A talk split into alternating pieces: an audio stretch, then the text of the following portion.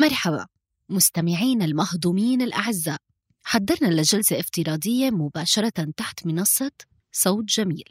رح نناقش فيها ارتباط الأكل بالهوية والثقافة الجمعية التفاصيل ورابط التسجيل موجودين بوصف الحلقة. نتمنى نشوفكم.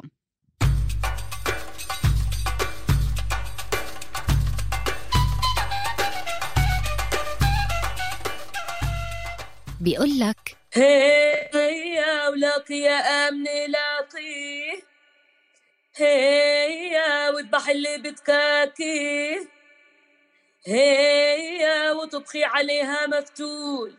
وخلي سمنها الطول. وبالدلعونا بيرد المفتول. على دلعونا وعلى دلعونا. حنون بلادي أحلى ما يكون. محلى أكل اللحم مع المفتولي من ديت حبي ظريف الطولي مهما أحكولي عنك مقبولي يمي لعيوني تنعش للنومة المفتول من الأكلات الفلسطينية المعتبرة واللي إلها معزة خاصة عند الناس خصوصا لما يلتموا حوالين مفتول طازة. المفتول أكلة الأفراح والأتراح. زمان ولليوم هالأكلة موجودة على موائدنا بكل المواسم خصوصا بالشتاء. لأنها بتدفي وبترم العظم مثل ما بيقولوا. حتى إنه الفلاحين ببلادنا لما تشتي بيقولوا اليوم يوم مفتول.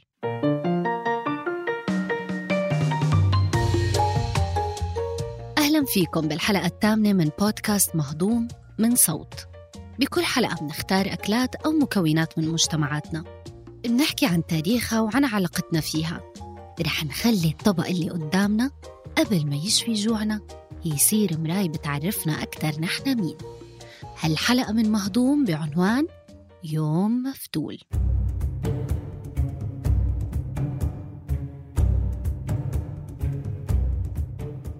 المفتول من أهم الطبخات اللي بيشتهر فيها المطبخ الفلسطيني.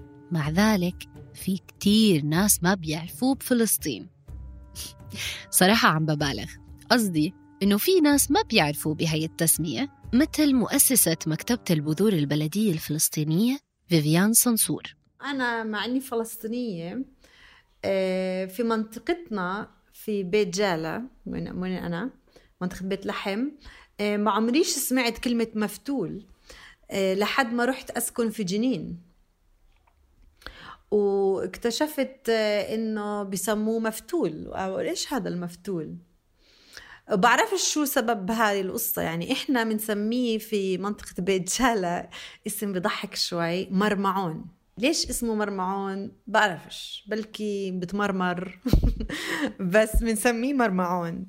والمرمعون جاي من كلمة يرمع اللي واحدة من معانيها الحصى الأبيض اللامع والجدير بالذكر إنه معظم الجالية الفلسطينية بجمهورية تشيلي من بيت جالا والمناطق اللي حولها كمان بيسموا المفتول مرمعون. ومن الأسماء التانية المتداولة البحبثون البسبسون الدحيرجة والكسكسون. كلها أسماء لهذا الطبق المحبوب بأرجاء فلسطين والأردن خصوصا وبلاد الشام عموما. زردة زردة بالكسكوس واللحمة لحمة مركوز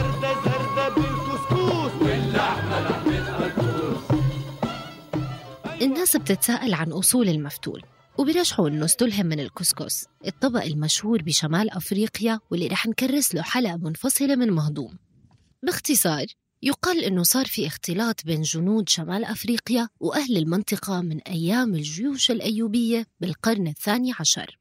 وكمان صار في تبادل ثقافي عن طريق المغاربة اللي كانوا يروحوا على القدس بمواسم الحج وبشكل طبيعي أدى لتبادل في الأطباع وفنون الطهي. والكسكس أو الكسكسو دخل لفلسطين. ميرنا بامية وهي فنانة بصرية ومؤسسة استضافات فلسطين بتحدثنا أكثر عن هاي الجزئية. نحن عم نحكي عن فلسطين هي المكان اللي كان دائما يستقطب ال- الهجرات الدينية. كان في كتير كثير في جاليات تيجي من كل العالم لهذا المكان ما كانت تروح على لبنان وسوريا. لأنه في عنا القدس لأنه في عنا المهد في عنا هاي البؤر الدينية اللي كانت كثير تجذب ناس من كثير آه، قوميات وجنسيات مختلفة من العالم.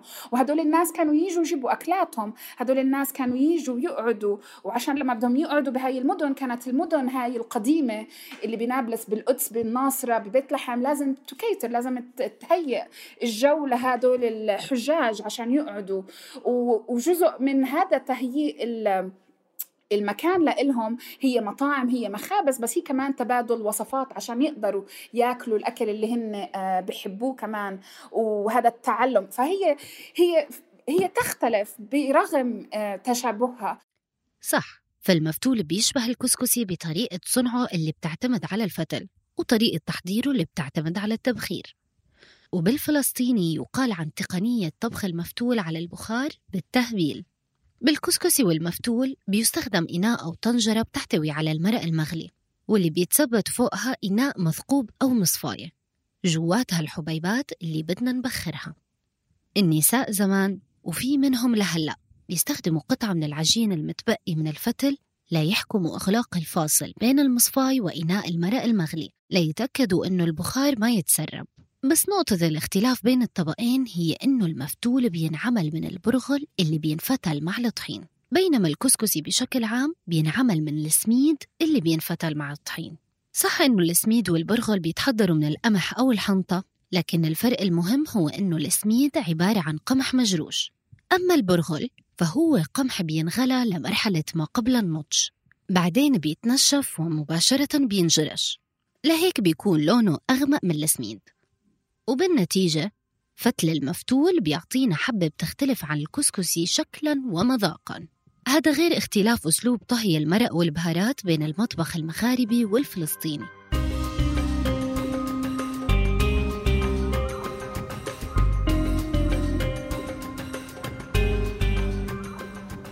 وكمان طبق المغربية يقارن بالمفتول والكسكسي. يقال إنه المغربية أخذت اسمها نسبة للمغرب. فبالقرن الثالث عشر وردت أربع وصفات للكسكسي في كتاب الطهي الشامي الوصلة إلى الحبيب في وصف الطيبات والطيب. وواحدة من هالوصفات سميت بالمغربية. وهي التسمية الشائعة للأطباق الشبيهة بالكسكسي ببلاد الشام ولبنان تحديداً.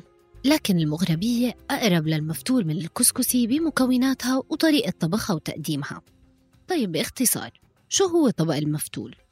تعالوا نسمع هشام أسعد. مدون طعام ومصور فوتوغرافي مقيم في لبنان. المفتول هو المفتول على الإيد. يعني الكلمة جاية من الفتل الفلسطينية والأردنية بيعرفوها يعني وقت تفتل يعني عم بتدور عم تبرم عم بتبرم شيء عم بتدور عم بتكور. قد إيه في تعابير. ببلش يصير في مثل آه، تعمير فوق هيدي حبة القمح من الطحين والمي والزيت. وببلش تصير آه، كرة تصير طابة صغيرة. آه، والفتل المتتابع بخليها تكبر تكبر أكثر والله الفتل يبدو بده معلومية. صحيح يا ميرنا؟ مفتول تعلمته وأنا عم بعمل هذا البحث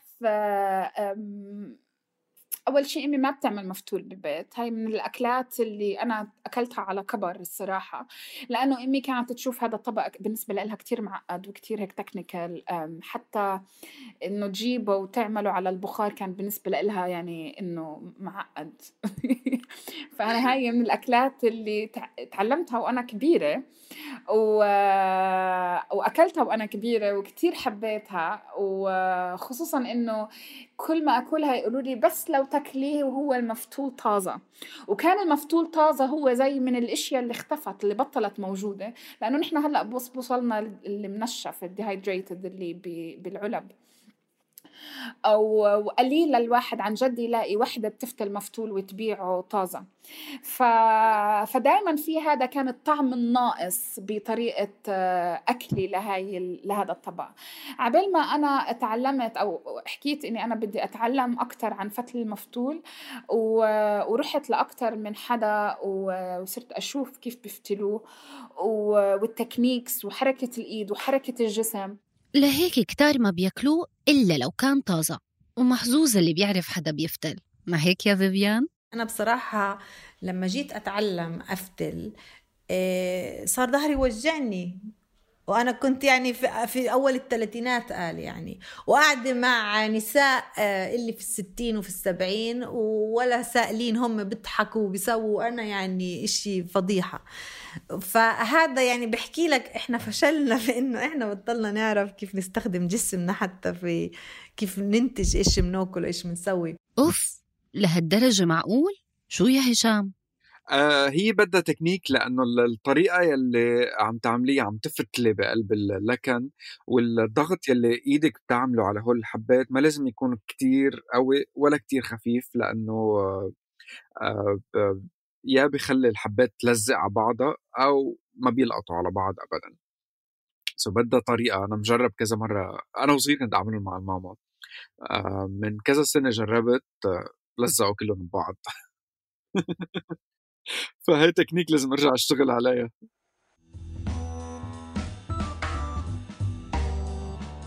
ما عنديش عيار. هاي الوصفة بالبركة زي ما إحنا بنقول. على البركة. مفتول على البركة. مفتول على البركة. الحلو بالمفتول إنه وصفاته كتيرة وشائع إنه اللي بيحضروه ما بيحكوا بالعيارات والمقادير بشكل دقيق.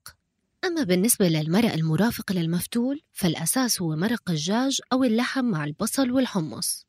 على ذمة جدة صديقتنا لكن كل حدا بيضيف خضرة حسب الذوق حتى إنه في ناس بتعمل مفتول نباتي جنب مرق الخضار.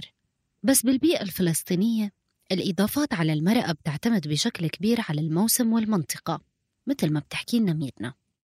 وهي طبخة المفتول كيف إنها مرتبطة بمواسم معينة مرتبطة بجمعة معينة مر- مر- مرتبطة بيوم واحد من الأسبوع بس كمان قد إيه نكهاتها بتختلف من منطقة للتانية. يعني كيف بيعملوا المفتول بغزة وكيف بيضيفوا له عين الجرادة اللي هي بذور الشبت. بيعطي طعم كتير مختلفة عن كيف بيعملوها آه، بالجليل اللي بيضيفوا ربل الفليفلة أو دبس الفليفلة على المفتول. فبيكون طعمته جدا مختلف. وبيختلف مثلا كيف بنعمل بمناطق تانية بقرى الضفة اللي بس بحطوا لها حمص و وبصل. كيف ناس تانية بتضيف القرع بموسم القرع. المفتول يعتبر من الأغذية الصحية بشكل عام. بيحتوي على نسبة منيحة من السيلينيوم المعروف بأنه مضاد للالتهابات. وكمان يعتبر مصدر غني بالألياف المفيدة لصحة القلب والشرايين وبتحافظ على سكر الدم والجهاز الهضمي. وغير هيك كمان يعتبر مصدر غني بالبروتين. وبعيدا عن الطبق التقليدي حبات المفتول الغنية صارت تدخل على بعض السلطات الحديثة وقد تختلف وجهات النظر حول ماهية السلطة مثل ما سمعنا بحلقة سابقة من مهضوم. قولكم في أفكار تانية بتخص المفتول؟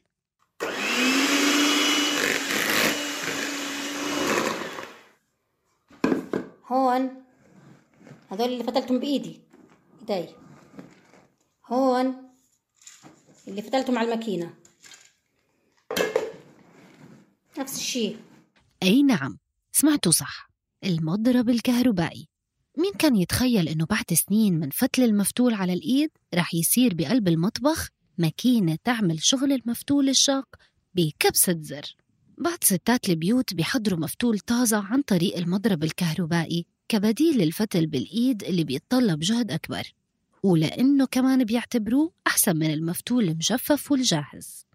كل ما عليهم إنهم يجيبوا كمية من الطحين والبرغل الموجودين بأي سوبر ماركت فيفيان عندها تجربة بمؤسسة بتدعم النساء ذوات الدخل المحدود بفلسطين عن طريق تسويق المفتول اليدوي محليا وخارج فلسطين وفضولها خلاها تسأل النساء عن شغلهم. فبسأل واحدة من الستات طب انت يعني ليش بتفكري المفتول تبعك مميز؟ لأنه يعني كل واحدة بتحكي قديش المفتول تبعها لا يعلى عليه. وبيعملوا مسابقات قانون مفتول, قانون مفتولها يعني ممتاز مدور على الآخر. فبقولها ليش انت بتفكري انه مفتولك يعني احسن من مفتول الماكينة؟ يعني في ماكينات اليوم بتسوي مفتول وخلص بريح واحد راسه. فهي يعني آه، أثارت انتباهي لإشي كتير حلو ومهم إنه الماكينة ولا عمرها راح تقدر تنتج مفتول زي مفتولي. يعني يطلع على مفتول مفتول الماكينة إلا يعني يطلع مش ممتاز زي مفتولها. فهي نوهت لي قديش سحر الأصابع أصابعنا إحنا كبني أدمين وإنه الأشياء يعني ولا مرة بتطلع آه، بالضبط يعني موحدة بلكن بس في الآخر بيكون إلها نكهة وطعم وتجربة مختلفة كلية فحبيت كتير إنه هي بت- بتتحدى الماكينات يعني حتى في في فنها يعني في فنها في الفتل. المفتول بيتطلب مهارة وخفة إيد والأهم وقت. وهالشي بيفسر لنا ليش بطل شائع بالوقت اللي الناس بتركض لتلحق أشغالها هالأيام. بس في شباب زي هشام وميرنا قرروا إنهم يعيدوا إحياء هذا التراث ويشاركوه مع الناس أونلاين أو عبر الفن المعاصر. هشام مثلا افتتح مدونة Cook in 5 Square Meters. وصفحة إنستغرام خاصة لينشر فيها وصفات أجداده وعائلته اللي بيعتبرها إرث قيم لازم يحافظ عليه ويحتفي فيه.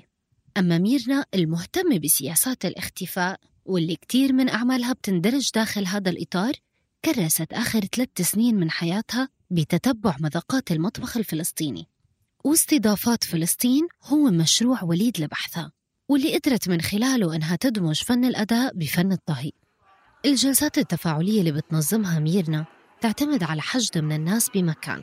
بيكون في مجموعة طاولات مع قوائم طعام محددة حسب المكونات اللي ميرنا اختارتهم بعد بحوث معمقة. وصلت فيها أنها تسافر لمناطق بفلسطين لتتذوقهم وتتعلم طريقة تحضيرهم من السكان الأصليين لكل منطقة. الناس بتتذوق الأكل بالوقت اللي ميرنا بتدير الجلسة وبتروي حكاية الأطباق وطريقة تحضيرها.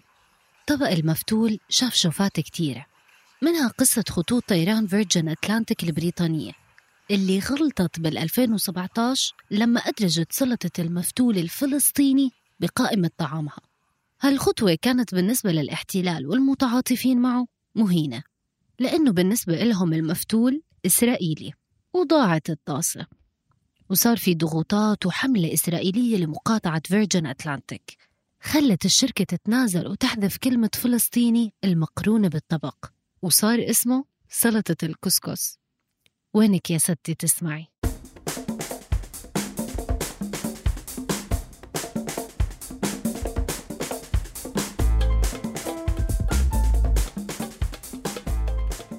نرجع لميرنا مؤخرا سافرت ميرنا لمدينة نيويورك مع استضافات فلسطين واللي كان المفتول نجمها.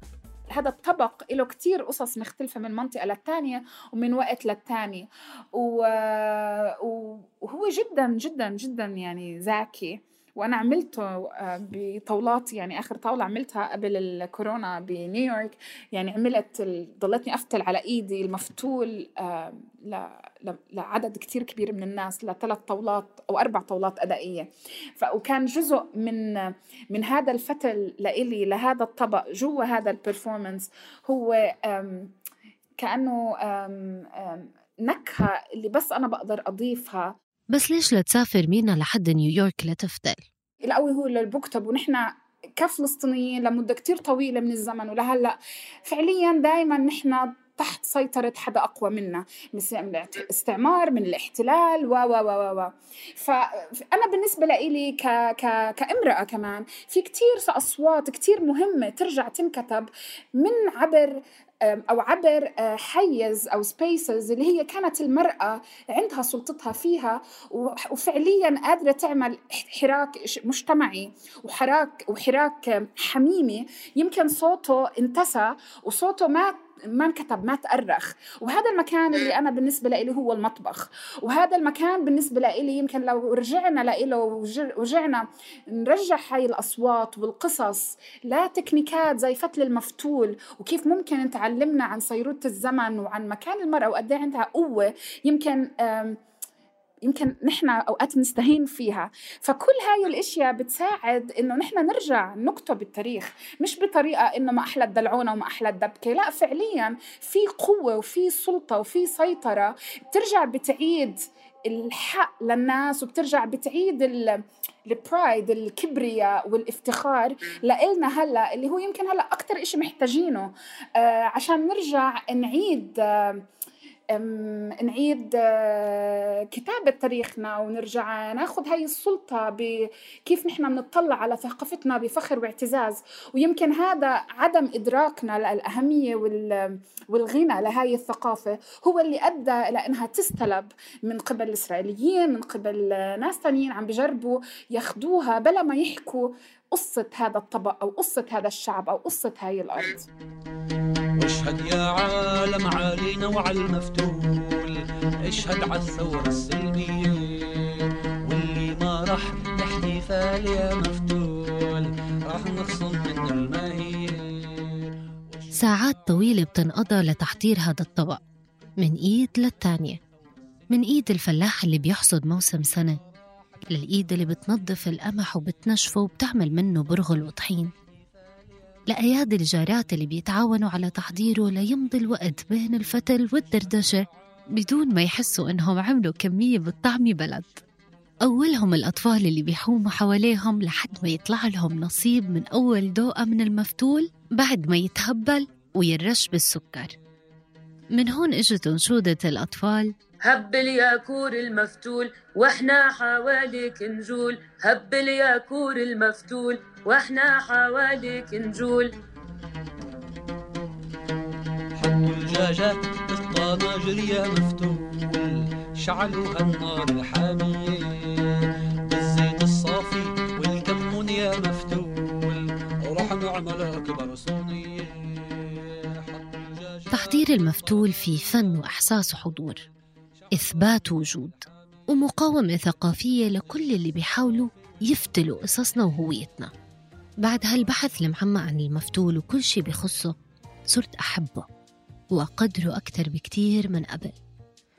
المفتول مثل المطرزات الفلسطينية المشغولة بالإيد بدل الماكينة اللي بنقدرها لأنه مو أي حدا فيه يتقنها.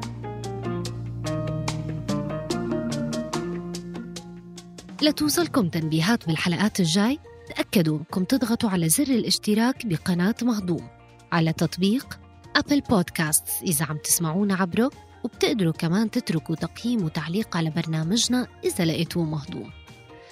هاي الحلقة كانت بحث جيدة حمام كتابة هند عنبتاوي تحرير رنا داوود ومونتاج تيسير قباني. النشر والتواصل مرام النبالي وجنى قزاز. كنت معكم بالتقديم أنا ابتهال بختي. مهضوم من إنتاج صوت.